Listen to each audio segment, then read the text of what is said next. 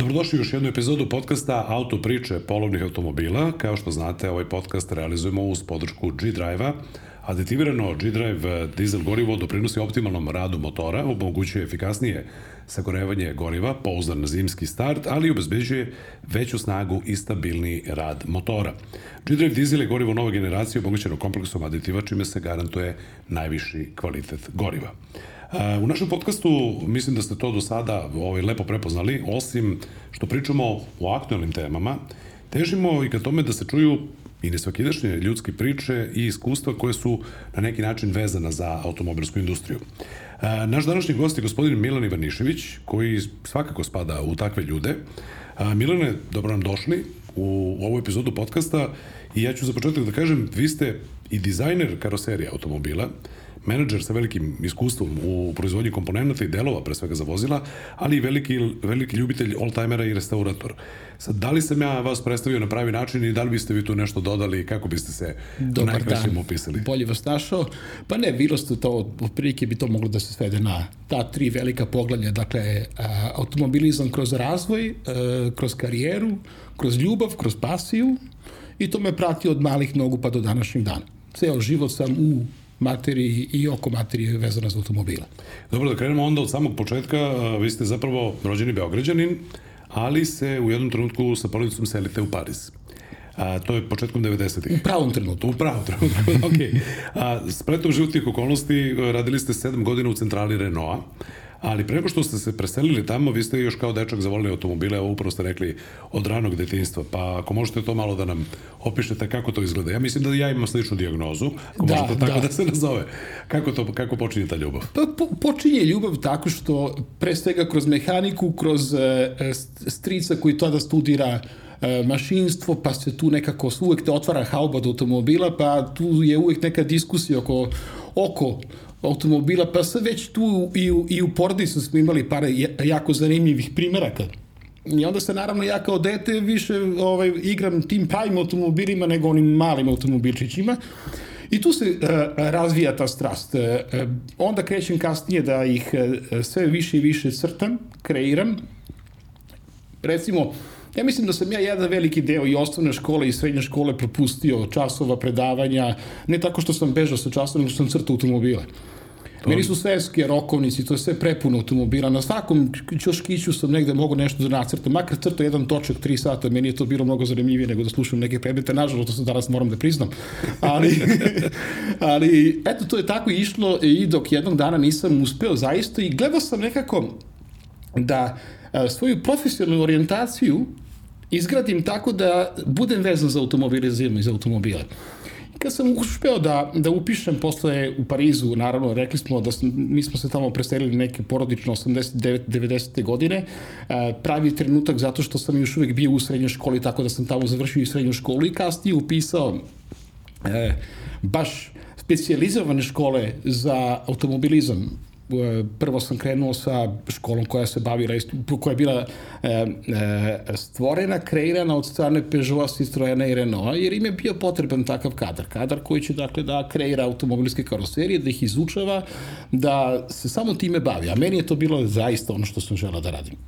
Tako da I tako da sam ušao tu prvu generaciju, čak i za Parižane i za, i za Francuze sam ja ušao među prvih 20 ljudi koji je uspio da uđu u tu školu po automatizmu, pošto su ti veliki proizvođači napravili tu školu, mi smo imali praksu od dva, tri meseca i posle prve i posle druge i posle svake godine fakulteta smo imali praksu.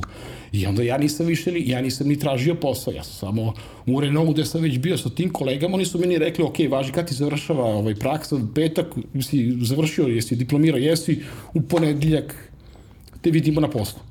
Tako da nisam ni poslao CV, ja sam odmah, odmah ušao u, u, u razvojni centar Renault, gde sam i bio na praksi i bio sam jako srećan zbog toga. To pokazuje zapravo kako se to strateški radi u nekim ove, zemljama gde je naravno automobilska industrija na znatno višem nivou. A, ja verujem da je većina naših slušalaca i gledalaca pogledala i po, poslušala podcast sa profesorom ovaj, Lukovićem uh, i ovde postoje ti neki smerovi i tako dalje, ali samo jedna fabrika automobila koja je imala i ovakvu i onakvu, ovaj, da kažem, ovaj, razvojnu strategiju i sudbinu pa je onda to bitno drugačije. Tamo gde postoje veliki proizvođači automobila, te stvari se rade planski i evo, vrlo zanimljiva stvar da, za, da zapravo niste nigde morali da se prijavite, nego su vas samo preuzeli jer su strateški procenili da će im ti ljudi trebati. Oni su nas školovali zato što smo im bili potrebni kao takvi.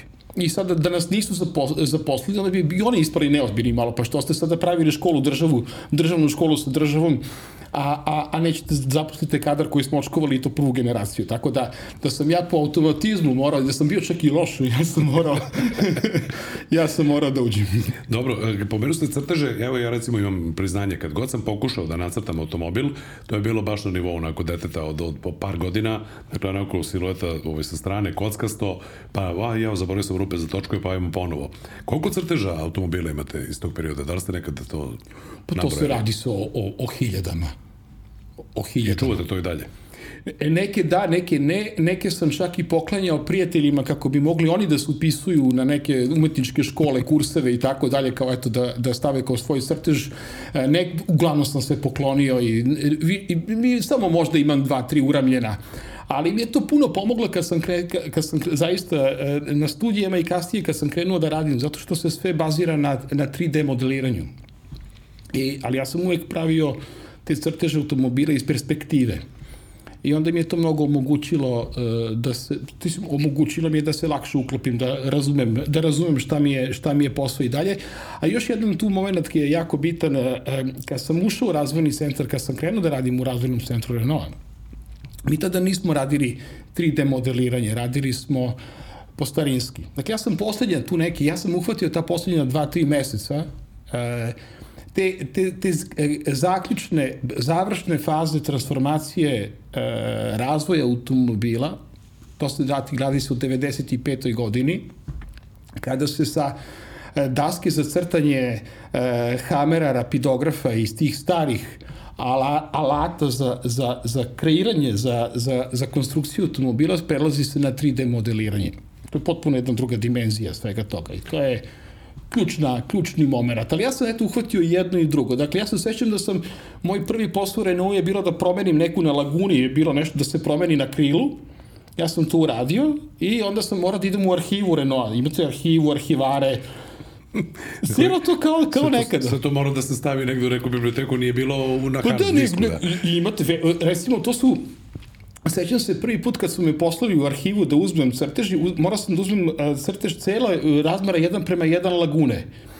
I sad imate 7,5 metara, 7 metara dugačeg crtež imate 7 metara dugačku uh, ovaj, tablu. Tablu za crtanje. Tu prvo mora da instalirate, prvo vam trebaju tu malo fizikalisanje da se to fino sve postavi, pa onda idete tek i uh, uradite zamenu, izmenu onoga što treba, rapidografima lepo izgrebete onaj, te stare, tu, tako je bilo. I onda sve ti opet arhivirate i vratite u arhivu i onda se zna koja je izmena od kada i kada se primenjuje u proizvodnji. Vrlo zanimljivo i planiram još o tome da pričamo. Sad, ovaj, kako je tada izgledao uh, Renault uh, kako ga zapravo Francuzi doživljavaju? Vi ste pravi čovjek da vas pitamo a, generalno kakav je inače a, osjećaj a, nacije prema, prema tako velikom proizvođaču. Mnogo recimo ne znaju neki veliki događaj, na primer početak velikih demonstracija a, 68. godine upravo krenuli iz fabrike. Dakle, kako Francuzi, šta oni misle o Renault i da li tu postoji razlika između ove PSA, tada grupacije, PSA grupacije i Renault? Šta, je, Renault. šta njima da kažem, ako može tako se kaže, draže? Pa to je, ranije to je bilo mnogo ovaj, više izraženo, ali i dalje je. E, Renault je, Renault je nacionalizovan posle drugog svetskog rata. On je bio državna kompanija, dok je Peugeot bio privatna kompanija koja je pripadala ovaj, porodici Peugeot i dan danas mislim da su oni većinski vlasnici Peugeot. Sad vi imate tu jednu, jednu situaciju da je, e, dakle, Renault se razvija više i oni su uh, firma koja ima tu uh, reputaciju levičarske firme. Dakle, tu se više radi o, o ima dosta, dosta, dosta ima politike, ideologije, sindikati se, se, se, se formiraju drugačiji i, odnosu, i, i, i sam proizvod je malo drugačiji. Malo je, Renault, Renault je uvijek nekako bio, bio u odnosu na, na, na, na Peugeot ili na Citroen manje, pogotovo na Peugeot manje konzervativan, dok je, Renault, dok je Citroen bio potpuno avangarda. Da, on je od uvek ih dizajnom prednjačio i uvek se neki novi oblici u, jave. U svakom pogledu su oni bili avangarda. Već, najveća avangarda je Citroen u stvari. Ali sad vidite tu jedan uh, Citroen upravo zbog tog uh, nastupa koji je bio toliko avangardan, nije uspeo da napravi kompaniju koja je bila stabilna. Oni su uvek imali uspone i padove, velike uspone i velike padove.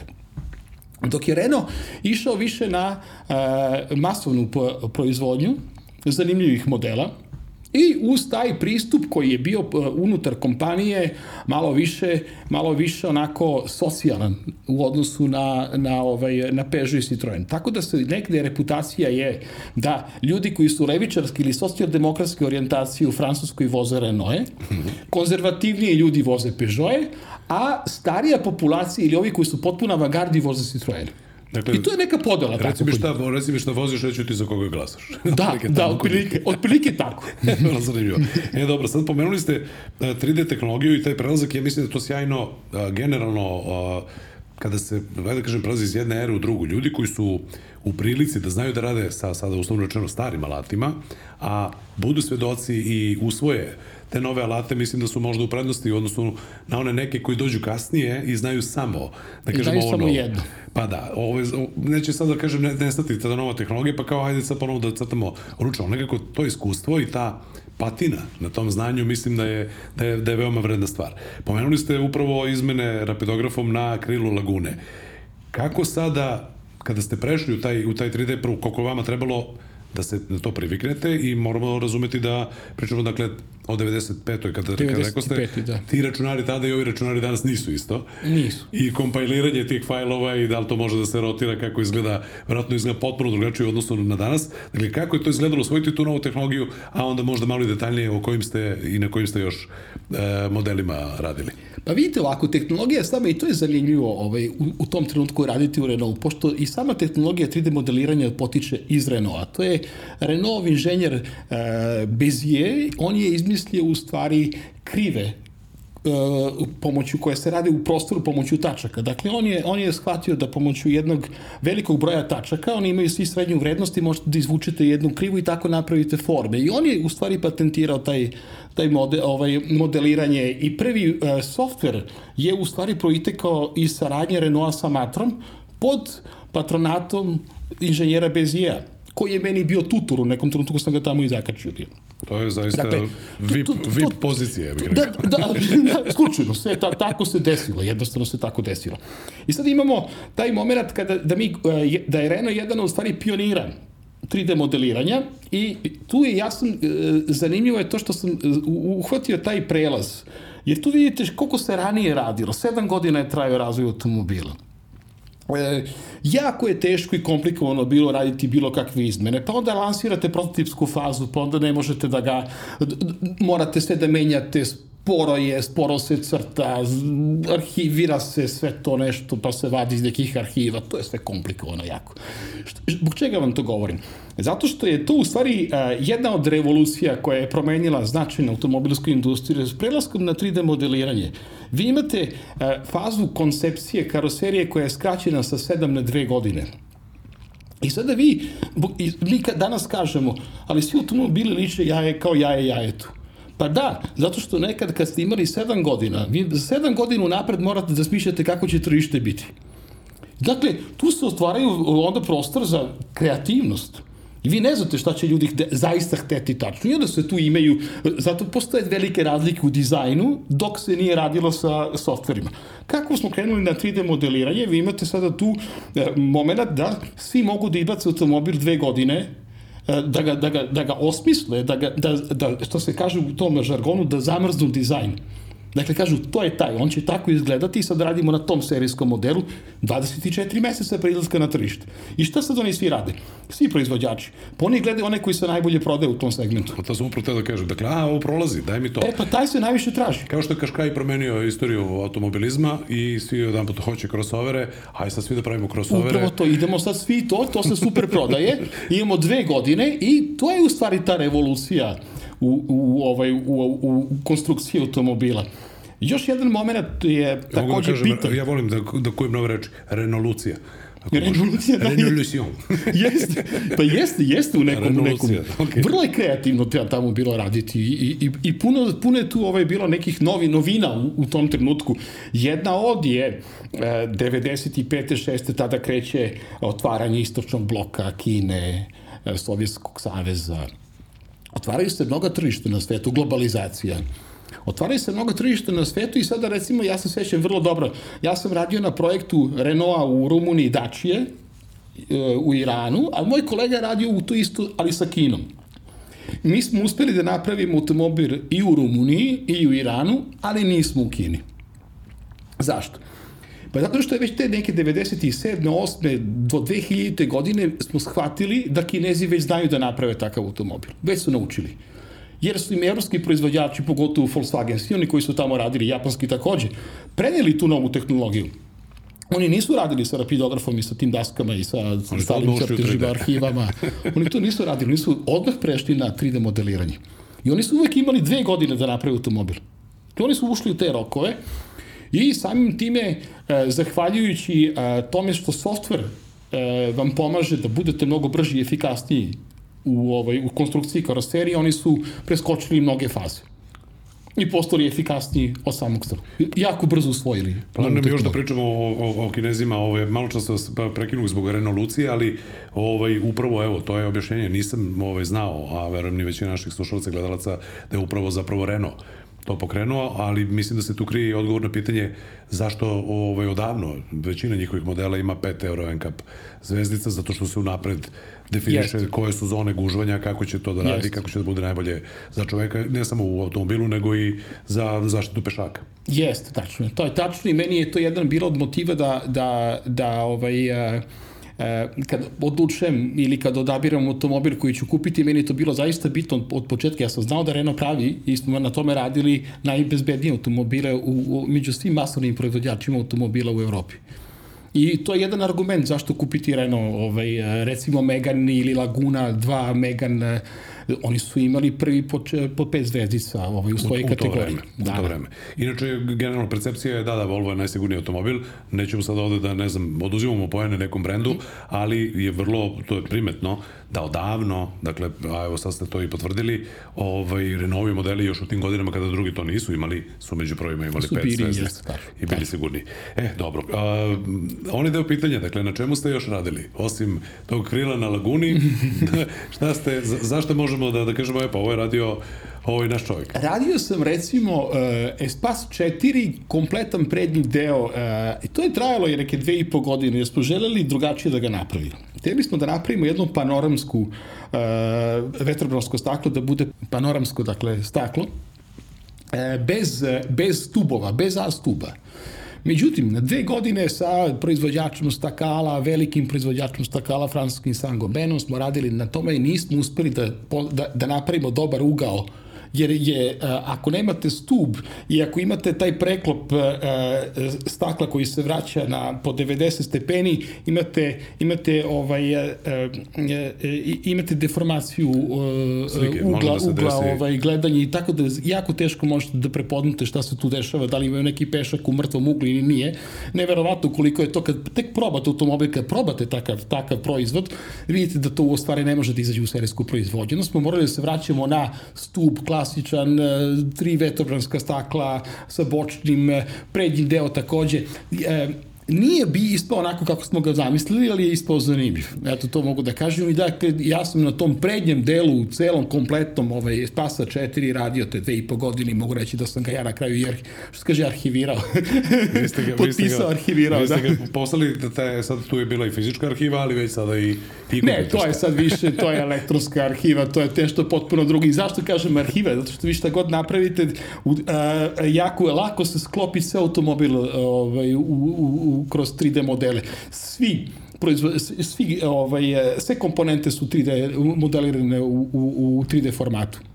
No, to je onda- zapravo taj novi standard koji je tada po, počeo. Pa zato se skratilo sa 7 na, na, sa 7 na 2 godine. Više nemate te prototipske faze, sad ga napravite u, u, u 3D modelu i vidite da li, ne, da li vrata mogu da se zatvore, da li nešto štrči, da li, da li može motor da stane ili, ili vi vidite odmah, ne morate da lupite onom haubom kao nekada, pa da vidite da nešto, neka kućišta karburatora viri pa iskrivite te haubu. Ne, sad jednostavno vidite u 3D modelu da je nešto i, i izašlo i to je Ovo to. neće ide u crveno. Da, Ok. upravo to. Ali evo, ova, ova stvar sa, sa divergencijom ugla ovaj, je vrlo zanimljiva. E, recimo, a pomenjali smo malo čas i Citroen, a, kad pričamo o C6, on ima pozadi ono čudno zakrivljeno zadnje Jest. vetrobrasko staklo. Ja pretpostavljam da on, ono u uglovima nije najsrećnije. Nije, nije, a to njemu za nije ni cilj. Iza ne gleda, ide napred. Da, njemu je to nebitno. Ok, dobro, e, dakle, Spas 4 i šta još? Pa, ra- radio sam na modusu dosta, ali na modusu sam radio akustiku. Aha, prevashodnu akustiku. Dakle, e, kako da taj jedan mali automobil bude što komforniji e, i e, što, da što više absorbuje uticaja, e, što kotrljanja točkova, što neke buke koje dolazi motorno, što iz motora, što, sa, što s polja. I to mi je bio neki, neki prvi projekat koji je vezan bio isključivo za akustiku i za, i za ovaj komfor unutrašnje kabine. E, malo nešto drugačije mi je bio, mi je bio posao. Tu, tu smo više e, smišljali tamo a, kako da sprečimo vazduh i strujanja usred, usred ovaj, vožnje, kako da to dođe do, do kabine. To je nek jedan drugi posao bio. Pošto zbog čega? E, mi smo tamo mogli od projekta do projekta da biramo malo i šta ćemo da radimo. Završite to jedan projekat zanimljivo. i onda kažu, e pa ajde sad da vidite da li ste, kad se, kao recimo kada imate tim od 20 ljudi i sad treba opet da se podele uloge. I svi bi da rade nešto malo drugačije, da ne bude isto, da ne bude ona, ono ponavljanje e, e, e, posla koji je već urađen, a da opet tu ostanemo u timu. Dakle, stičete nova znanja, koristite svoje, možete da prenesete kolegi, on može da prenese ono što je on naučio, a vi nešto novo malo radite drugačije sa nekim novim e, ljudima, nekim novim ispitivanjima, okolnostima, tako da to bilo jako zanimljivo. Ja, e, e, zašto je, ja sam 13-14 godina radio u Renault, I na svake tri godine sam menjao projekat ili, ili poziciju, tako da sam na kraju završio i u proizvodnji, u Rumuniji, u Iranu.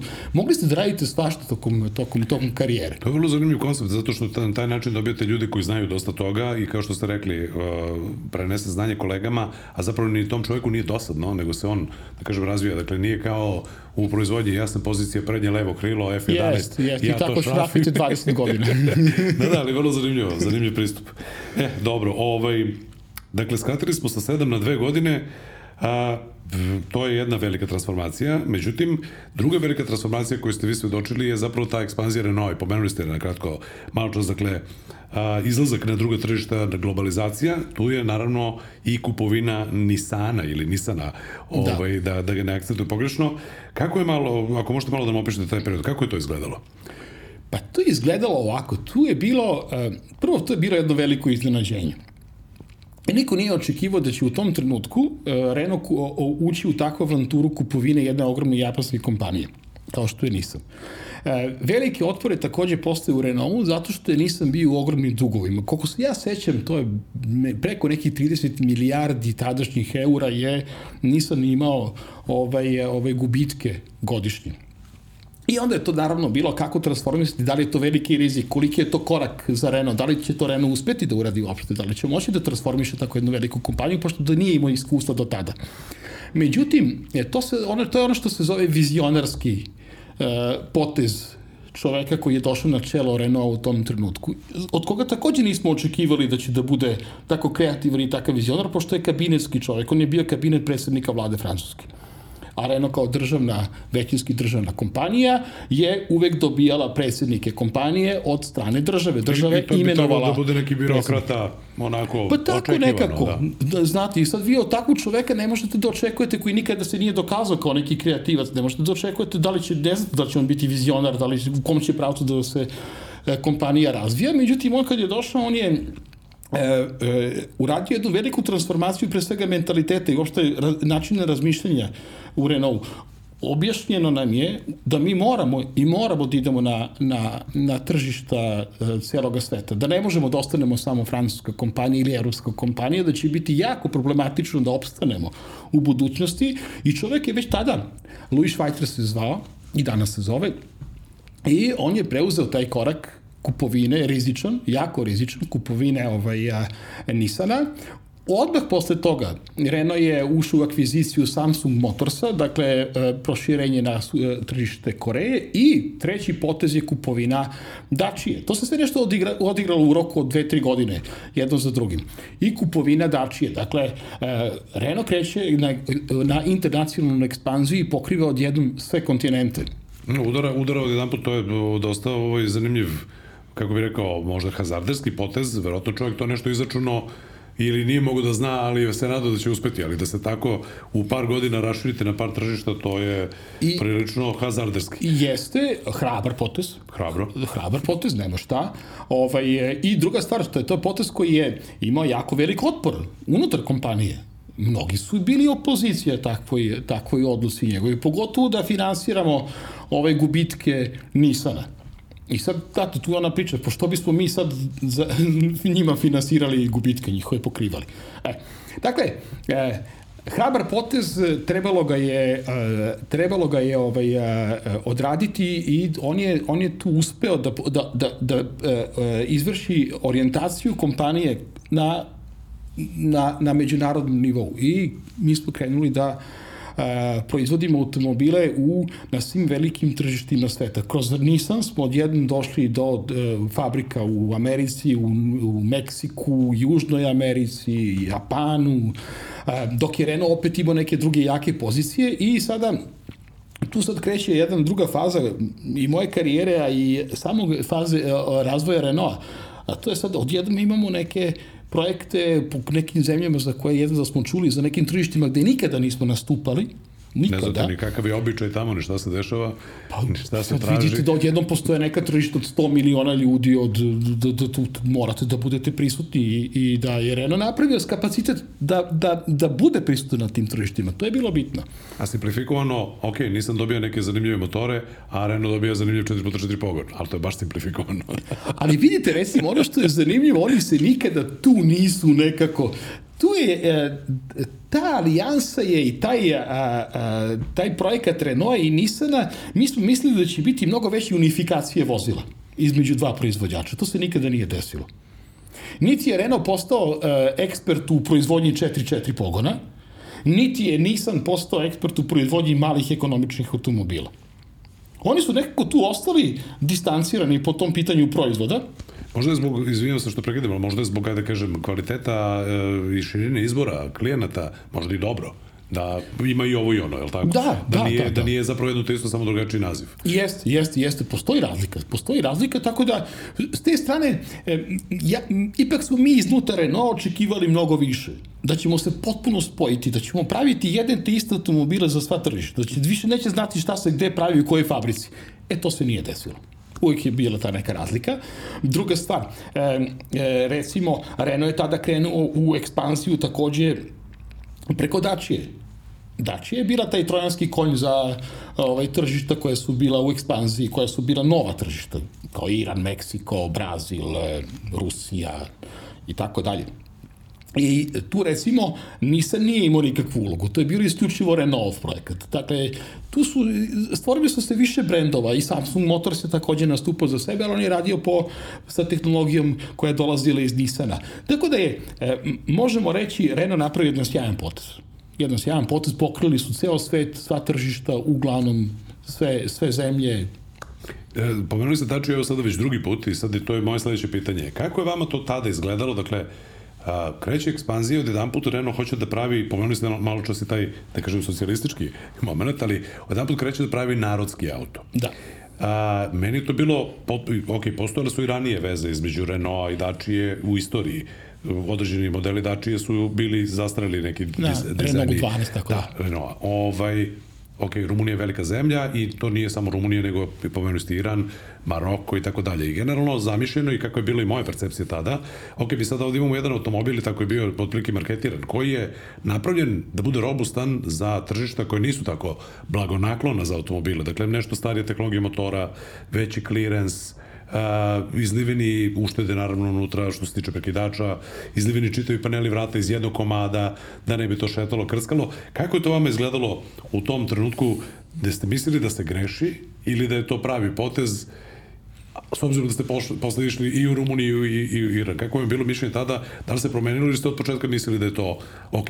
Pa, meni je to bilo nekako, pošto dolazim iz, iz Srbije, meni je to nekako bilo uh, uh, normalno da Renault uh, razvije model koji je više adaptiran za tržišta koje su u razvoju da putevi nisu dobri, da nema, nije velika platežna moć. Međutim, kasnije, ja sam taj projekat jako lepo prihvatio i kasnije sam i krenuo da radim na, na, na uh, proizvodnji dačije i u Rumuniji, na pokretanju prvog logana, kasnije u, Iranu, u Iranu i tako dalje i tako dalje. Međutim, unutar samo je Renault bila je, bio je veliki otpor toj ideji, zato što je to nekako su ljudi doživjeli, pogotovo inženjeri, kao neki po, a, povratak 20 godina unazad. Jer taj Logan je ljudima zvučao i izgledao kao Renault 9 20 godina kasnije. Da. I ko šta sad pravimo opet Renault 9? Čemu to? Zašto to? Malo nisu shvatali taj ceo kontekst i, i šta je bio cilj sa tim vozilom. I da postoje ljudi koji bi da voze nešto novo, ali nemaju para za ovo ali nešto nemaju, najnovije. nemaju para. Opet vidite, jedan, jedan tu drugi moment je bilo, e, to je u stvari jedan e, sticaj sretnih okolnosti, ta, ta Dacia i taj Logan. Zato što ni Renault nije e, ušao e, sa zdravom logikom u taj projekat. Oni su mislili ovako, mi ovaj automobil, Logan, dakle jeftin automobil, e, nećemo proizvoditi za tržište zapadne Evrope nego će isključivo ga praviti za tržišta u razvoju, istočna Evropa, Rusija, Turska, tako dalje, istočno tržište u razvoju. Međutim, postavilo se da se desilo suprotno, da su oni mnogo više tih Logana prodali i dačije na zapadu nego na istoku. Zato što su ljudi krenuli da štede, da štede novac. Jel auto jeste, jel radi, radi, ima airbag za vozača. A to je logika ima. zapadna.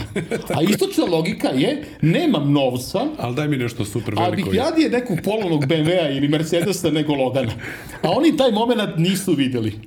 I, I onda se ispostavilo da je mnogo bolja prodaja da tamo gde su ljudi rezonuju e, e, nekako racionalno, a to je na zapadu. Šta će mi, šta sad da se pokazuje pred komšinom, svi znaju ko sam, šta sam, šta, meni treba sam auto da idem na posli. Možemo pogledamo podatke od prošle prošle, prošle godine najprodavaniji automobil u Evropi je Stepway. Je, je Sandero. Sandero Stepway zato što za te pare imaš auto koji, Naravno. imate auto koji ima, koji ima određenu opremu, ima određene, da kažem, i zvezdice sada i već i izgleda ovaj bolje. Ja moram da priznam, ovo je sad lični ugao, ja sam tih godina kada se pojavio Logan faza 2, Dakle, ne potpuno onaj repić pozadi, ali malo bolji, ovaj, osim onog, ovaj, one baš, baš prve, dakle, Logan faza 2, znam da se to tako kod da. Renaulta, o, kod Renaulta označava faza 1, faza 2 i tako dalje.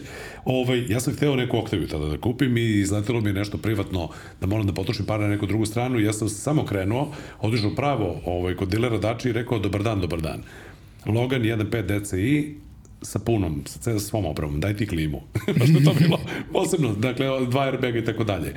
To je čudna odluka, pogotovo za nekoga ko voli automobile i nešto kao uh, primećuje dizajn. Međutim, u tom trenutku to bila najracionalnija moguća yes. odluka. Ja sam se sa tim autom slatko navozao, stigao svuda, i na kraju ga prosledio i mojim roditeljima koji su ga posle još nekoliko godina potpuno normalno vozili. Nikakav problem nisam imao Nikada neće ni biti problem, to su kvaliteti automobili. Sve je potpuno okej. Okay. I yes. imali smo ovde primere da, ne znam, taksista iz uh, Užice ili iz Požarevca, možda grešim, iz Čačka, je prešao 700.000 da, sa da, tim da. automobilom, sa tim motorom i nikakav problem nije imao. Solenca pre toga je onako, izgleda i tanka svoje vrata nije Rema. malo. Solenca je više onako... Ali kada se da. pojavilo ovo, prvo je onako, malo je, što bi rekli na starosrpskom, balki. Malo yes. je onako, malo onako, ovo je pregojen, Logan, ok, ne vidi se baš kroz zadnji retrovizor pozadi šta se dešava. Ako se vozim iz Logana, ne vidim onaj auto ispred njega, da li koči ili ne koči, ali taj auto je meni bio savršen. Dakle, za to što je meni tada trebalo on je bio u bomboni, ja mislim to je jedna od pametnijih kupovina. Do duše, tada je taj najopremljenik bio 11.500 evra. Jeste. Nije. Danas to već više nije situacija, ne postoji da, da, za, da. za te novce. Ali o, sad još jedna ovaj, možda o, otkriva, o, ajde kažem, možda vas teram da otkrivate ovaj, nešto više, a možda i to niste ispratili. Tada kada je krenula ta ekspazija Logana, ADAC nemački se potrudio da ga okrene na krov. Onda Jest. je to ovde pokojni Mirko Alvirović dokazivao da to nije do kraja tačno i to smo mi imali prilike da vidimo u satovim emisijama. Otprilike ADAC ga je prevrnuo tako što je stavio onu palačinku, a, rezervni točak na njega. Mislim, svaki automobil može da se prevrne. Pa naravno, naravno. ali je to otprilike izgledalo, barem ovaj nekom krugu ljudi oko mene pa i meni, kao aha, Nemci se brane od ove poplave nekog jeftinog Volkswagen, odnosno narodnog automobila, jer preti da ugrozi tržište. I ono što ja verujem da ljudi znaju, taj Logan je u Brazilu nosio Renault znak, je tako? I na nekim I drugim Rusiji, i tržištima. u Brazilu, i u, Ra, i u Iranu takođe, jer ja sam radio u Iranu, u Teheranu, na dve fabrike koje su uh, montirale Logana za iransko tržište u velikim, velikim kapacitetima. Ta kapaciteti su bili skoro 300.000 vozila godišnje samo za iransko tržište. E, dakle, i on je tamo bio, bio takođe prodavan pod uh, ovaj znakom Renault. Drugim rečima, ta fabrika se ne bi usudila da stavi taj svoj znak na neki svoj proizvod u koji ne veruje do kraja. Nije bio, bila namera da, da, ga, da ga prodaju i u zapadnoj Evropi i na razvijenim tržištima, ali se ispostavilo da, kao što ste malo pre rekli, da je to racionalni evropski kupac. Da je to racionalni, da je to jednostavno kupio. automobil koji je e, u, u sebi ima ugrađene komponente koje su odavno ispitane. Tako je. I da tu iznenađenja sa kvalitetom nije ni bilo, zato što već imate isprobane, tu nikakvih novih rešenja nije bilo, ni Prekidači jedno isti novo rešenje nije primenjeno. Tako je, nego neka stara, pouzdana, koja su možda malo manje osjetljivija. I, I to ne samo to, nego potpuno jednostavno rešenje. Vi imate staklo prozorsko koje je ravno, dakle ono silazi pravog i ne, nema nikakvog nema nagiba, krivine. nema ničeg ugla. Dakle, tu nemaš ništa da se pokvari. Imate jednostavno svi paneli instrumentabla iz jednog komada. Onda nema šta da krska, nema šta da se polomi, ne znam, imate jedan, jedan blok. Tako. I onda je napravljen, upravo tako inteligentno je napravljen, da traje, da e, radi svoj, svoj posao i da ljudi ime budu zadovoljni što su kupili automobil za nevelike pare koji ih je odlično služio.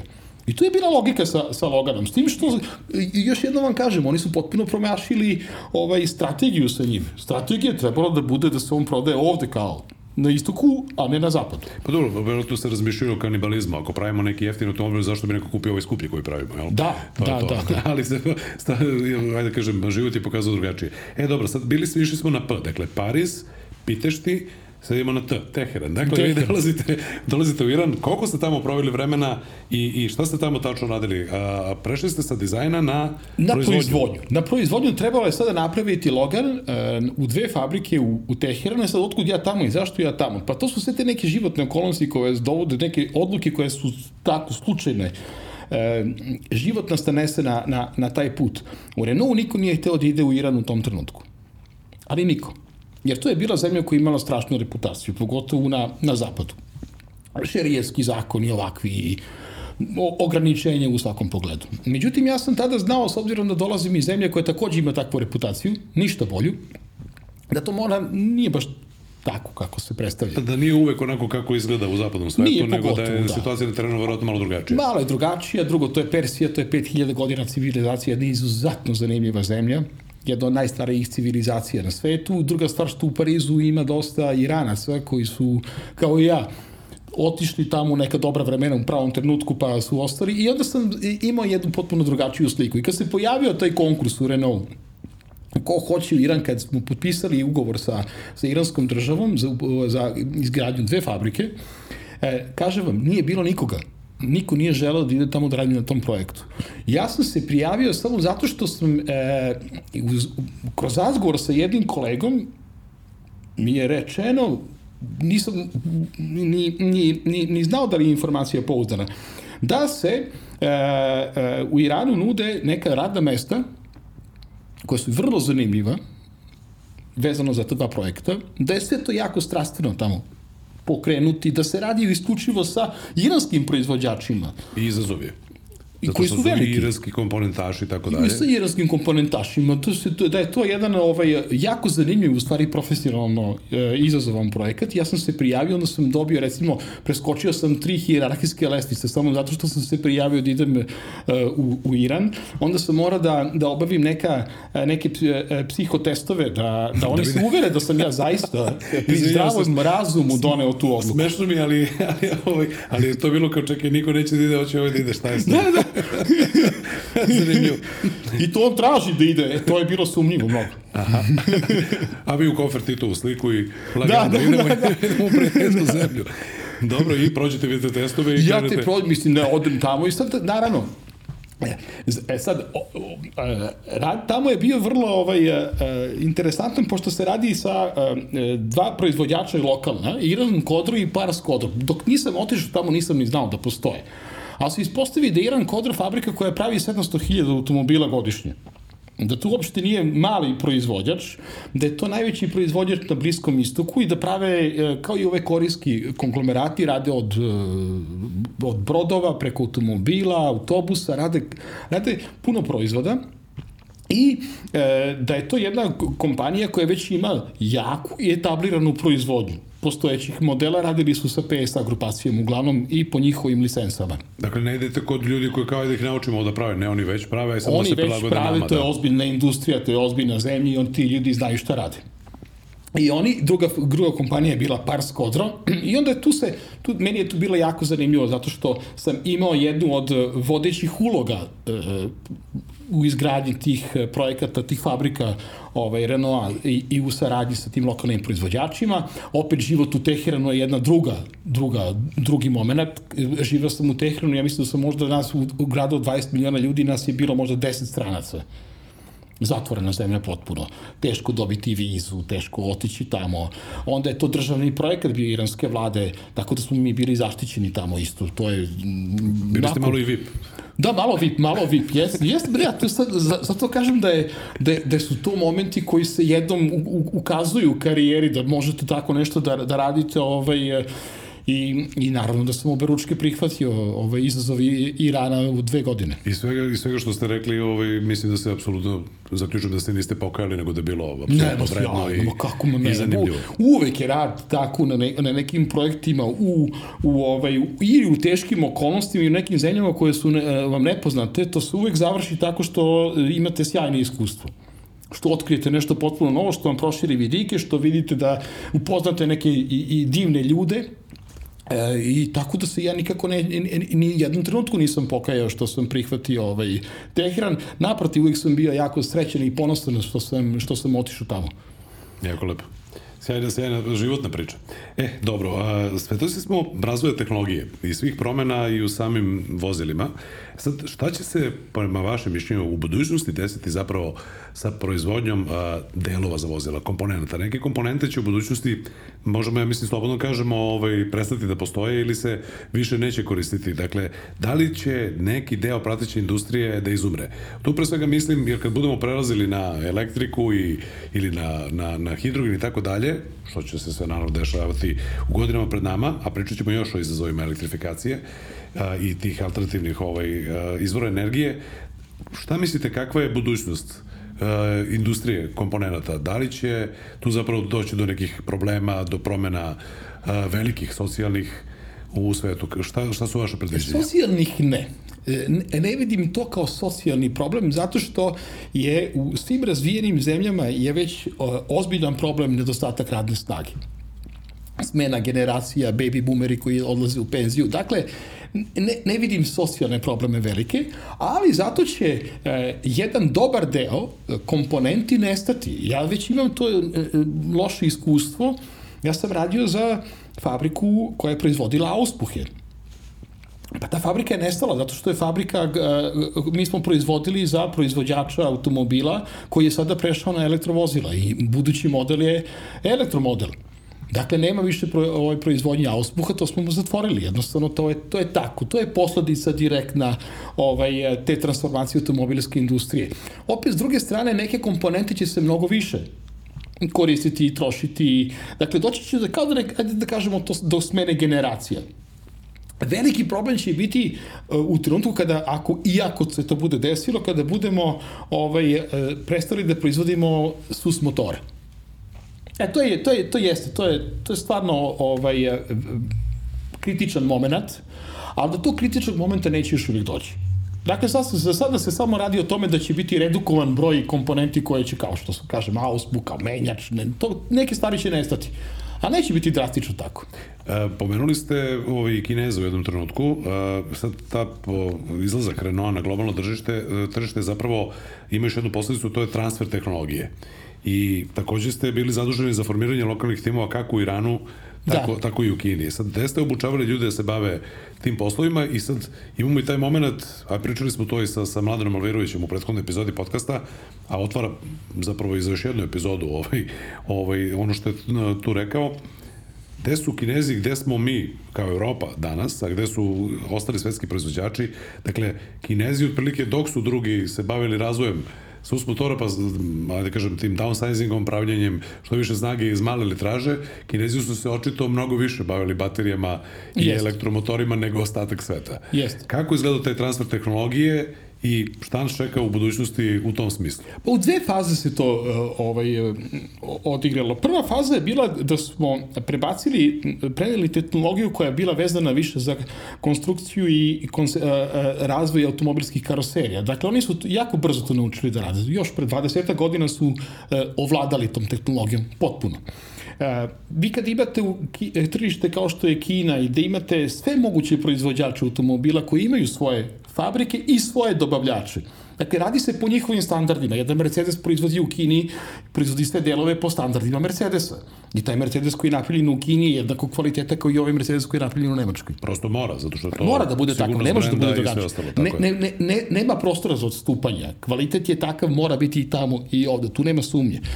E, jer kupac za te novce želi da kupi vrhunski kvalitet. I tu nema kompromisa oko toga. Isto kao i Volkswagenova fabrika tamo. Passat kineski je Passat koji mora da bude kao Passat nemački. Upravo to. Dakle, kinezi su odavno naučili da prave kvalitetne komponente. Ovladali su standardima, ovladali su tehnologijama, ali jednom, jednom nisu nikada uspeli, a to je SUS motor. Tu su uvijek bili slabi e, da, da biste vi napravili jedan V6, V8, V10 kao što može Italijan ili Nemac, čak ne mogu ni Francuzi, ni oni ih nemaju. Dakle, čak ni velike e, automobilske nacije nisu u stanju da naprave takve sjajne, sjajne motore. Jer to je, to je tradicija. To je veliko iskustvo. E, to, je, to su ogromna ulaganja u tu tehnologiju i to je nešto što vi ne možete da prebacite kao što možete 3D modeliranje. Čovjek nauči softver brzo, ali za motor je to jako komplikovano. I kinezi su to shvatili odavno, srećom po njih, pa su oni to shvatili na vreme. I oni su sve vreme radili li motore četiri cilindra, šest cilindara po, po licencama japanskim ili su direktno kupovali recimo od Mitsubishi i tako dalje. I ugrađivali u svoja vozila. I sve ostalo znaju da naprave. Onda su paralelno rekli mi ne možemo da budemo konkurentni sa V8, V10. Zamislite uh, V10 made in, made in prc. Da, pa ne Paper, paper Republic of China. Pa niko to neće da kupi za te novce, znate. To je malo problem. I onda, je, I onda su oni jednostavno odlučili da preskoče tu fazu da je, da je im je mnogo, mnogo, mnogo pametnije da idu odmah u elektromobilnost, jer imaju softver, što je prva stvar, ključna za elektromobil, to je u stvari softver. Baterija je na drugom mestu. E, oni imaju softver, e, ušli su u tehnologiju sa, sa baterijama, pošto prave elektroniku za sve moguće proizvođače elektronike na svetu, sve je koncentrisano tamo. Tako je, telefoni. Svo znanje je tamo sve. sad. Da. I oni su, eto, napravili odličan mobilni telefon, odličan softver, odličnu bateriju i odlučili da stave četiri točka na to i da krenu u, u masovnu proizvodnju elektroautomobila. Tako da su velikoj prednosti u odnosu na evropske proizvođače koji nisu imali takvu strategiju. I nisu vjerojatno smatrali da će to da se desi, odnosno da će, da će uh, iako kao mi znamo je li da 2035. ali tako bi trebalo da bude granična godina da se zapravo više ne može novo registrovati a, novo, li potpuno vozilo u Evropi da ima samo sus motor, da. nego i Mladen nam je rekao u prethodnoj epizodi podcasta za dve godine Opel a, Alfa neće postojati više sa sus motorima, nego će se kupovati samo, samo kao električno vozilo. Sad, kako će Evropa da se štiti, da li se štiti od toga, to je isto jedno pitanje koje, koje nam prestoji u budućnosti. Evropa se štiti, ali uh, ja mislim da su oni sada, ta, tako barem deluje, na osnovu ovih prvih godinu dana, jer bilo je veliko iznenađenje kad su izašli sa tom odlukom da se od 2035. prestane sa komercijalizacijom uh, vozila za, uh, sa, sa motorima na unutrašnjo sagorevanje. Uh, veliko iznenađenje, pošto je industrija, kad znate kako funkcioniš automobilska industrija iznutra, ja sam ipak u njoj već 28 godina, konstantno, mi je to delovalo prosto neverovatno. To su ogromni tankeri koje vi treba sad da okrenete na, na brzinu i, i, i to, to se teško, u industriji su te promene moguće, ali iziskuju mnogo više vremena i mnogo više ulaganja. Nisu moguće tako preko noći. 2035. godina što se tiče autoindustrije, to je promene preko noći. Da. To je jako kratak period, jako kratak period. Je malo ne prek sutra, mi smo sada 24. Da. Dakle, za 11 godina je malo. To je za 10 godina, to je ništa. Ako znate da je ciklus e, vek trajanja jednog automobila 7 godina, to je, to je tu, sutradan već. I tu sad vidimo kako oni malo reteriraju. Kao da su pustili ovaj probni balon, videli reakcije, sakupili informacije od proizvođača ko je šta zaista u stanju da uradi i videli da je to baš u tom, na taj način kao što je definisano nemoguće, izvesti, ali su sada, prilagođavaju se i prilagođavaće se. E, ne verujem da će ići tako radikalno ukidanje sus motora, samo zato što, ali opet s druge strane, Evropi, Evropa nema sirovine i niti energente, dakle Evropa mora da nađe alternativu u, u energentima koje posjeduje, to je više struja nego što je nafta ili gas. Tako da Evropa mora svakako nastaviti u tom pravcu. Planiram da pričamo i malo, malo više o toj energetici. Sad, teo sam samo malo, malo da pređemo i na domaći ovaj teren, zato što ima ljudi koji znaju ili ne znaju, ja pretpostavljam da nas slušaju i gledaju ljudi koji su autoentuzijasti i bave se temom ili, ili im je veoma interesantna, pa možda neki ljudi znaju šta se sve to radi kod nas. Dakle, vi ste uh, uz to značajno iskustvo iz Irana, a, a, ostali u nekako tim vodima i u Srbiji ste radili u nekoliko fabrika za proizvodnju komponente. I sad, čime ste se sve bavili, ako možete kažete, i da li možete da nam malo približite koje se to sve komponente prave kod nas i za koje proizvođače? U Srbiji se u poslednjih 15 godina uh, svet uh, automobilske industrije u smislu kao prvo imamo proizvođača. Znači tu se već dosta stvari promenilo.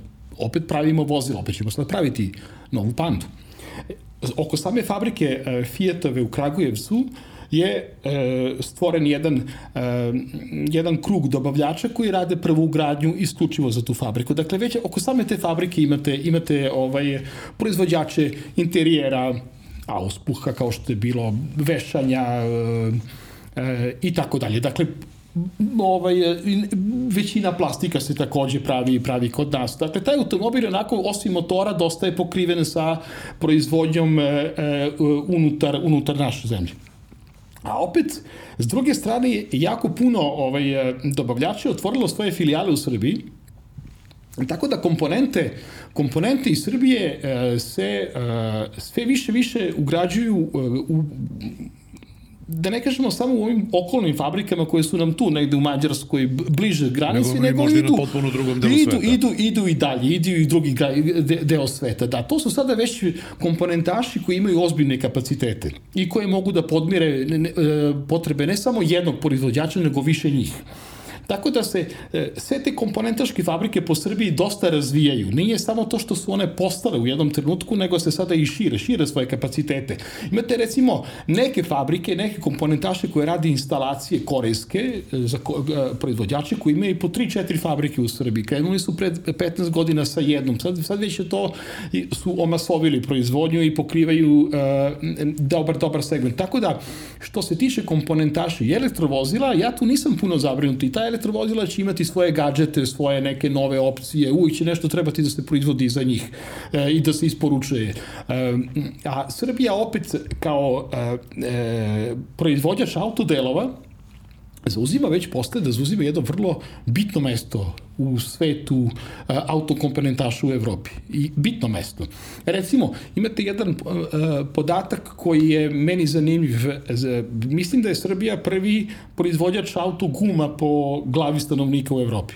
Mi smo već krenuli negde da budemo u nečemu da najjači. Da budemo lideri, Mislim, da. ne mislim najjači, nego u, u smislu masovne proizvodnje bitni. Dobro, to ima veze sa tim koliko ima stanovnika u ovoj zemlji, a koliko ima fabrika guma. A koliko ali, ima fabrika ali, guma. Da, i da, ne moramo da nabrojimo brendove, ali ima ih Pa četiri ili pet, tako nešto. Imate četiri ili pet fabrika guma u jednoj maloj zemlji. I sad i ova, i ova koja, se, koja se sada uh, ovaj, ovaj gradi, uh, koja će uskoro krenuti sa masovnom proizvodnjom, oni su, njihov kapacitet je takođe neki 20 miliona guma godišnje. Da, da, tako da će taj broj, koliko je to u stvari da se promeni. Ja se sećam pre više godina kada je bila jedna od informacija, pa meni to došlo u glavu oko komponentaša, a, moguće da je isto bilo u satu, a, da se guma koja služi kao zaptivka e, ispod haube Majbaha i S klase se pravi recimo u Inđiji. I, da. ovaj, ali od tog momenta danas, evo, uznapredova smo do toga danas ima, da kažem, From Made in Srbija, je ovaj širom sveta negde nešto otišlo. Pa ja sam radio u fabrici, mi smo isporučivali za Bentley, za Aston Martin. To čoveku ne bi palo na pamet. čoveku ne bi palo na pamet. Da, da, da, da, da, se kako da ne, pa za sve proizvođače radite, znate samo što za neki imate e, drugačije zahteve kvaliteta, ali nećete vi sad praviti fabriku posebno komponenti samo zato što je Bentley u pitanju, nego ćete gledati da, da osposobite jednu proizvodnu liniju koja je to tako malo, malo zahtevnija po pitanju, po pitanju kvaliteta i, i, i, ovaj, e, i, i procesa i radit ćete uporedo i za ostale. Dakle, u jednoj fabrici danas u Srbiji možete naći proizvodnju koja ide za uh, Dacia, koja ide za Volkswagen, koja ide opet za neki Bentley, za BMW, sve ćete to naći na jednom mestu. Što je vrlo zanimljivo. Radi se sa drugačijim standardima, procesima, ali je proizvod u suštini vrlo sličan. A, malo smo dotakli ovo o sus motorima, ali bi se sad vratio, pomenuo sam da ćemo i to da, da, ovaj, da pređemo. Kako je generalno vaš stav o elektrifikaciji i ekologiji? A, često u komentarima ispod naših testova na, na YouTube kanalu polovnih automobila, pogotovo kad je full electric vozilo, a, znaju ljudi da napišu pa i na, na društvenim mrežama a kako smo mi došli do te struje, da li to i dalje ekološki, kako izgledalo dok se taj auto proizveo i tako dalje. A, Neke druge zemlje imaju odavno neke vetroparkove, imaju možda više i solarnih kapaciteta, dakle, šta je vaše mišljenje? Da li su ta ele- električna vozila u potpunosti ekološki čista i da li tu ima malo i geopolitičkih strategija a, i u smislu da se prosto ne forsiraju automobili na gas. Recimo, a, u Nemačkoj je dosta raširen prirodni gas. Često Jest. ćete vidjeti i taksi vozila i tako dalje da piše erd gas, odnosno metan, da Jest. prevedem. A kod nas je to i dalje... Stidljivo. Pa stidljivo ima malo, malo, ovaj, ja sam baš juče proveo dan sa prijateljem koji ima vozilo, ovaj, ima Octaviju, koja je fabrički na, na metan i koji o, evo, uživa najjeftiniji kilometar, najkaloričnije Jest. gorivo i uopšte mu ne smeta što u njegovom gradu nema nema d- stanicu gde može da natoči, jer je sledeća na, na 7 km od njega u sledećem gradiću i on ode tu natoči i Jest. uživa u, u toj niskoj potrošnji, a pritom i ne zagađuje toliko. Pa recimo, njegovo, nje- njegov automobil je ekološki nego neki drugi koji se tako nazivaju, a koji su novi. E, ja e, e, ne stavljam u istu ravan ekologiju i elektrovozila. Smatram da je proizvodnja i eksploatacija e, elektrovozila e, e, dosta, dosta prljava po pitanju ekologije i zagađenja. Ali mi moramo ići u tom pravcu. To je jednostavno neminovno. Mi ne možemo više koristiti e, naftu, gas, jer ih nemamo. Evropa ih jednostavno ne posjeduje kao sirovine. Ne radi se samo o CO2, nego se radi i o ograničenim resursima. Ra radi se i o ograničenim resursima i to je više ta strateška odluka Evrope da se ide prema onom energentu koji je raspoloživ i koji ćemo u budućnosti moći da pravimo na jedan mnogo čistiji način nego što to proizvodimo danas.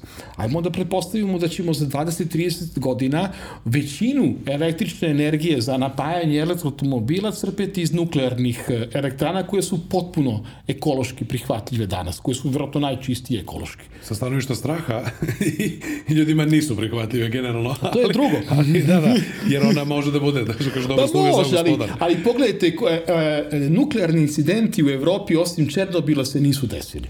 Nismo imali ništa toliko... A, a sama Francuska ima 56 nuklearnih reaktora. I nikad nije bio incident ni na jednom. Dakle, nije to toliko ni rizično, ali je ekološki najprihvatljivije gorivo. I logično je da Evropa kaže, ok, mi moramo ići u tom pravcu. A mi smo sad u nekoj fazi, kao što sam i, i malo pre rekao, industrija je jako inertna komplikovana, kompleksna i ne možete je promeniti tako brzo. Dakle, mi ćemo sad proći kroz te dečije bolesti. Sad će se, ovi, neko će reći, a da, ali to je prljava tehnologija, još jest, ali ćemo u jednom trenutku doći do, do čistije. Moramo proći u fazu, moramo se razvijati. Tako da mi je negde e, budućnost elektrovozila da, ona postoji. E, da li je to da li je to jedino ekološko vozilo? Ne. Svakako ne. Imate vodonik, imate metan, koji su takođe sjajna, sjajna goriva. E, doći ćemo možda do nekih trećih načina da se pokrene automobil. Na tome se uporedo radi. Ek- elektrovozilo je sada za sada nametnuto, jeste malo nametnuto, ali je neminovno. Moramo ga prihvatiti. Dobro, pričali smo malo čas o tome pre par minuta, pa sam to ovde ublažio. Dakle, da li će to baš tek tako da dođe? Neće. Da li će ta 2035. da bude... Neće, ba- neće baš tako lako. Dobro, pa ostaje da vidimo. E, sada malo da se vratimo na lični teren. A, Vi svoju ljubav prema automobilima a, a, negujete i danas, a, kroz čuvanje istorije i zavidnu kolekciju oldtimera. Koliko imate oldtimera u voznom stanju i koji su u tom modeli u pitanju? Ja sam iskoristio ovaj, pre, pre, početka snimanja ovog podcasta da već bezecujem i da, da, da dobijem saglasnost da ćemo nešto od toga snimati. Dakle, šta imate od oldtimera i kolika je to kolekcija? Ja imam ovako. Moja uh, uh, ljubav prema oldtimerima je isključivo vezana za taj moment nostalgije. Imate kolekcionare koji kupuju super automobile zato što im je to san da imaju takav. A meni je više, ja sam više kolekcionar nostalgičar. Dakle, ja se vežem za automobile koje, sam, koji su mi nekako vezali kroz život. Imao sam neko lepo iskustvo sa nekima, neke sam volao kad sam bio mali, pa sam eto sada uspeo da ih, da ih oživim iz, iz mrtvih. Druga stvar, e, meni je strast za kolekcionarstvo e, e, vezana i za spašavanje automobila iz mrtvih to je negde, to je negde jedan moment koji mi je jako bitan. E, nisam u ovoj najavi pomenuo u ovom pitanju, vi imate jednu garažu u Sremskoj Mitrovici gde sređujete, imate, imate ljude automobil. koji su na plati koji se bave time. Jest. Što je vrlo, vrlo ove, zanimljivo. Dakle, imate garažu za restauraciju Altajmera koja nije komercijalna. Ona je... Koja nije komercijalna, koja, koja je to tako, jedan, jedan hobi, e, jedna strast koju ja želim da, eto, da nastavim A, Vratio sam se to jer ste rekli neke oživljavate. Ja ih dižem iz mrtvih. Dakle, meni je cilj ovako. Ja ne kupujem automobile koje treba samo prefarbati ili zameniti motor ili tako nešto. Ja kupujem automobile koje ćemo rastaviti do, do neprepoznatljivosti ništa više nema na njima i onda ih graditi iz početka. Polako, da to bude onako kako, kako treba i prilikom tog rada sad imate tu jedan, ovaj, jednu zanimljivu paradoksalnu situaciju da mi se dešavalo da restauriramo bubu recimo da buba ispadne bolje nego fabrička. I da onda dođe neko ko je ekspert za bubu, ko zna tačno taj model iz 68. znaje na pamet, imate tako te ljude koji su pasionirani do te mere da znaju svaku sitnicu u tom automobilu, čak mislim da znaju i ime onog eh, Hansa koji je tamo montirao na, na, na, u Wolfsburgu 68. I oni kažu, ali ne, auto nije bio ovako kvalitetan. Zazori su bili veći, kaže, mogu si da gurneš prst ovdje među vrata i, i krova. A kaže, kod tebe je svuda ko na audiju, kaže, ne može.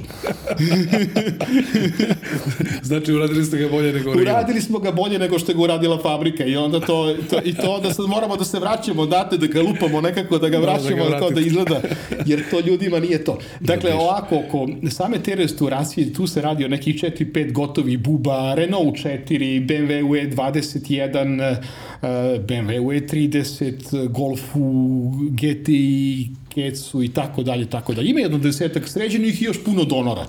E, ja moram da ovaj, kažem, to, inače gledalci, slušalci ne vole, ovaj, kad kaže pričali smo pred emisiju, ali jesmo malo pričali pred emisiju. A, znam ovaj, da vam je taj E21 dosta drag. Da. Ovaj, BMW, pa ako možete malo samo više o njemu. Zašto? Drag je zato što je prvi. Drag je zato što je i on bio uh, predodređen za otpad. On je gotovo, ja sam njega uzao na ulici onako svog prašnjevog groznog, pitao da li je, da li je čiji automobil, kad sam ga video, bilo mi ga je žao. Nisam teo da kupim automobil, jednostavno sa suprugom smo otišli i krenuli smo negde nekim, nekim putem, recimo kod njene tetke na ručak. Kad? I ja u kad usput vidim ga ja onako u, u prašnjav sav pored puta, jadan, bez tablice, ispumpane gume, jako loš, ali nisam mogu, znate, ja kad prođem pored takve kola, ja moram da se zaustavim da vidim o čemu se tu radi. I sad tu je neka kapija, neko dvorište, čiji je auto, dobar dan, kreće priča, kaže, ajde, sklanjaj mi ga da ga ne gledam tu, ne znam šta će mi za koliko, koliko neke sitne novce, ja sam tu kupio automobil pre nego što sam otišao da kupim sveće za tetku i, i, i ručak. I ja sam umesto sveća došao sa nekim BMW-om prašnjavim za recimo 300 eura koliko sam ga tada platio. To, to je to. Dobre, I onda dobljava... tu kreće, dakle, spašavanje iz mrtvih, onda kupim njega, doteram njega, lepo ga operem, vidim da je to jedan automobil koji u jednom jako pristojnom limarskom stanju, odlično očuvan u prvoj boji. Tu već prepoznajete one one a, a, stvari koje su antikvarima bitne našta to kao sitnice, da vidimo kako to. I ja tu prepoznam potencijal za jedan automobil koji može da bude vraćen u fabričko stanje i to da bude perfektan. I tu kreće prvi put, dakle, zato, zato mi je taj e, e, bitan. Onda sam, da bih e, našao branik, nema branika, morao sam da kupim jednog donora. Pa sam onda zbog jednog sedišta kupio drugog donora, naravno moja supruga to se nije znala, pa sam onda kupio trećeg donora. I odjednom sam se ja zatekao sa šest BMW E21 da bih mogao da sklopim delove za ovaj jedan. A oni su tada bili tako, to neke scene, to je bilo na sve na otpadima, neki mili su, jedan sam izvukao iz prese u železniku. Uh. Bio je pred presom. Dojava, naravno, kad se čulo da ja to, tu među pasioniranim ljubiteljima oldtimera, uvijek imate taj moment dojave. Imao sam dobru dojavu, izvuku ga sam ga iz prese i tako da da mi je taj E21 zaista omiljen. Druga stvar, uh, uvijek sam bio, ovaj, uh, nikad me nisu razumeli ljudi zašto sam uzeo uh, E21 sa najmanjim motorom. Kaže, šta će ti BMW sa malim motorom? Pa da, ali taj BMW i dalje BMW. Sa malim motorom on ide sjajno. Odnos snage i, i težine. I težine i svega da i odnosa ide... menjača i kako su oni tu komponovali živahnog s tog motora, obratni moment koji on ima, to je fantastično, taj automobil ide, ide pa recimo da sam ga evo sada u subotu ovaj, malo vozio, i u ubrzanjima ja mogu da ostavim i dan danas e, dobar deo ovih, e, ovih automobila. novih modernih zdujalica. pa eto, sjajno.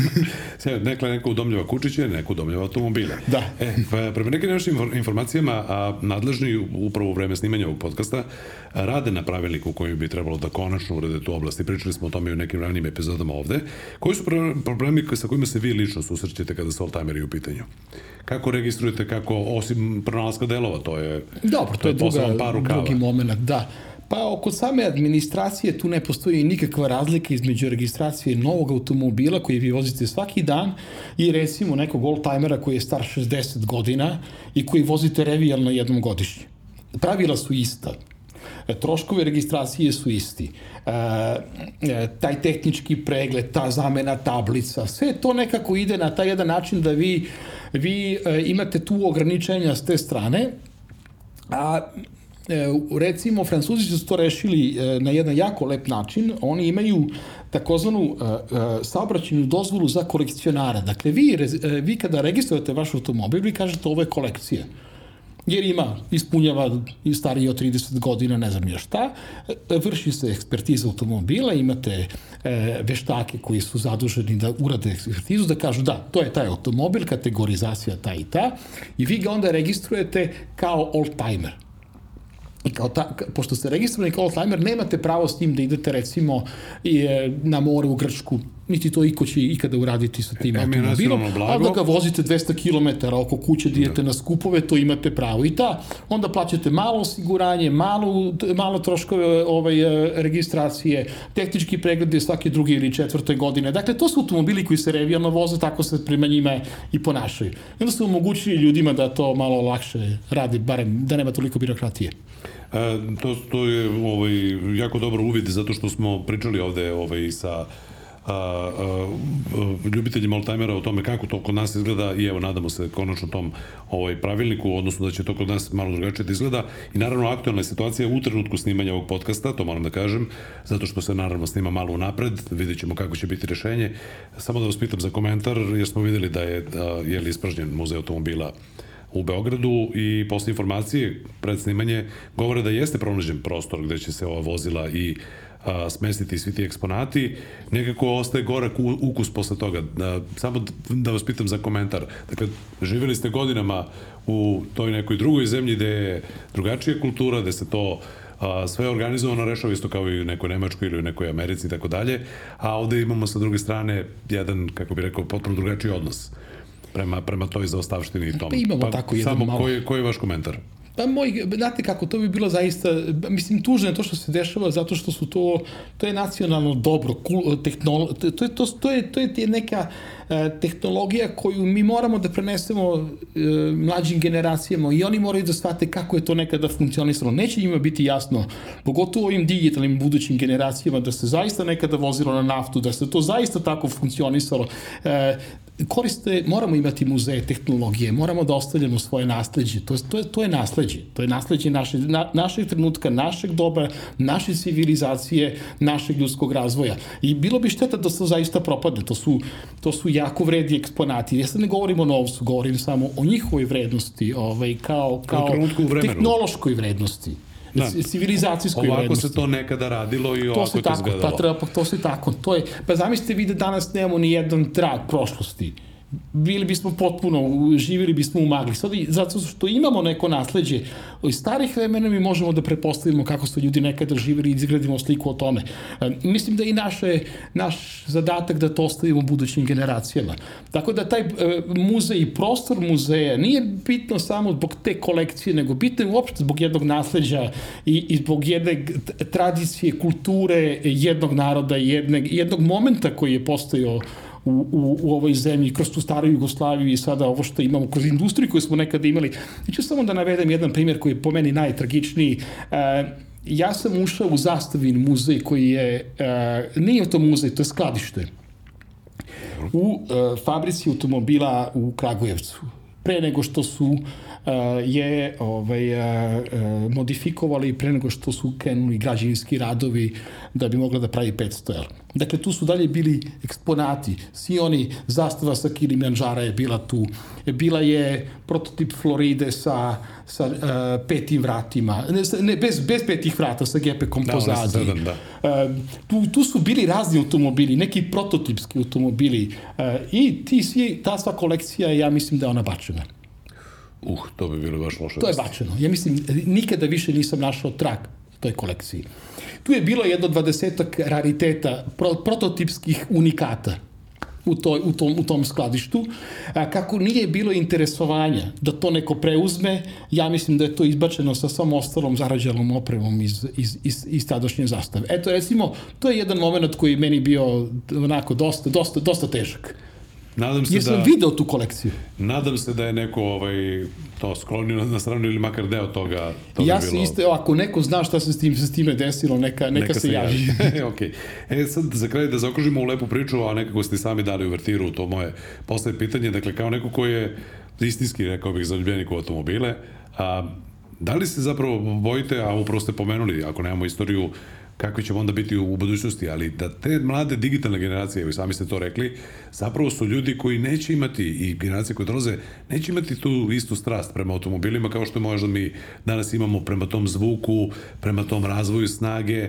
Ne govorimo ovde o, o samo brzoj vožnji, nego govorimo o tome, o tom mirisu benzina, pa i dizela, neko da, da. više preferira to, o tom zvuku, o toj vibraciji, evo ja sam, pre, snimili smo ovaj jedan opet full electric automobil, pa sam se u moj automobil, koji ima samo 4 godine, ali dizel, automatik ima 4x4 pogon, pa sam bio u fazonu, ju, šta se ovaj moj auto ovako nekako čudno ponaša zato što sam prešao iz automobila koji nema nikakvu, da, da nikakvu vibraciju i ima zvuk kroz zvučnike.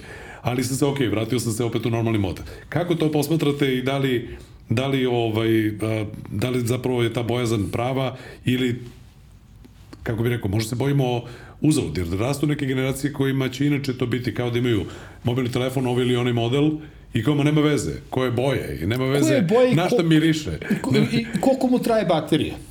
Dakle, to će biti se... tako nešto, da. Pa, e, e, jasno je da, vidite ovako, i vi i ja imamo strast prema e, mehanici, e, prema tome što sam od uvek mogao i kao klinac da čačkam po tim automobilima jer se stalno nešto kvarilo. Vi ste nekad uvek mogli nešto da popravljate po tim automobilima. Nikad se nije desilo da se radi. Koliko god da su oni bili jednostavni. Ili leptir staklo ne može da se otvori, ili je ostala ručka u, u, u ruci, ili neko crevo je ispalo, ili se preko, ili je pregreo preko Dakle, vi sve to morate da, da znate kao, kao, kao, kao klinac, kao neko ko je odrastao u tim automobilima 70-ih, 80-ih godina koji nisu bili pouzdani, koji su rđali. I sad, tu se stvara ta strast. Strast se stvara tako ko čačkam, popravljam, pa ga zavolim. Znate, zavolim ga vremenom. E, naše nove generacije tu uopšte nemaju. Oni čak i e, teško i razlikuju u kom su automobilu, da li sede u, u Nissanu, Renault ili su u Volkswagenu, oni više ne znaju u šta su ušli. To je za nas bilo takođe nemoguće. Mi smo tako i, i, i gradili smo odnos i prema i estetici tih automobila i prema performansama. Danas takođe skoro svi imaju iste performanse. I uopšte nemate više taj, ali to je nekako i civilizacijski. Oni će imati vratno neku kolekcionarsku strast prema nekim drugim stvarima, prema ovim našim nostalgija automobilima dnevnim neće, ali evo recimo je, juče je izašla jedna vest, samo sam onako kratko zabeležio, e, Audi je izbacio neku jako snažnu verziju karavana RS6 nešto 500 konja, ne znam nešto, nije ni bitno, ali taj automobil je već napravljen za kolekciju. On je u, išaran je u nekim svojim, nekim specifično je, je I ofarban. I jedan od sto, recimo, ili I, jedan. I da, napravit ograničenu seriju od nekoliko stotina komada. I on, ide, on nikad neće biti na ulici. On ide direktnu kolekciju. I ti automobili će uvek ostati u nekim muzejima, velikim kolekcijama, oni će postojati. Ali recimo Audi A4 sa nekim baznim motorom, e njega niko neće restaurirati za 20 godina. Jer mu neće biti interesantan. Neće da. biti interesantan jednostavno, to je onako A, biće, možda će biti uvezano sa NFT-evima. NFT dakle, uzeo sam ovaj automobil i kao, ops, ali evo u mom digitalnom novčaniku ja imam i digitalnu potvrdu i to je one of a kind, jedno umetničko delo i, i to je to. A, a, gospodin Vrnišoviću, hvala vam mnogo na vremenu koje ste odvojili za nas. Mislim da smo se lepo ispričali. Hvala vam. A, nadam se da su uživali naši slušalci i gledalci. A, naš gost je bio Milan Ivanišović, mogu slobodno da kažem, zaljubljenik u automobile, čovjek sa vrlo, vrlo zanimljivom biografijom, a, i veliki autoentuzijaste i profesionalac u ovom poslu i nadam se da, da ste uživali u ovome barem koliko i ja. A, kao što znate, a, ovaj podcast realizujemo s pomoću G-Drive-a, a G-Drive, aditivirano G-Drive dizel gorivo doprinosi stabilnijem radu motora, a, omogućuje efikasnije sagorevanje goriva, pouzdan zimski start a, i naravno G-Drive dizel je gorivo nove generacije obogaćeno kompleksom aditiva, čime se garantuje najviši kvalitet goriva. Ne zaboravite like, share i subscribe. Slušamo se na svim audio platformama i vidimo se na YouTube kanalu Polovnih automobila i slobodno ostavite po neki komentar. Primećujemo da kada imamo ovako zanimljive goste i vi uživate u njima skoro kao i voditelj. Tako da slušamo se i vidimo se u sledećoj epizodi. Hvala.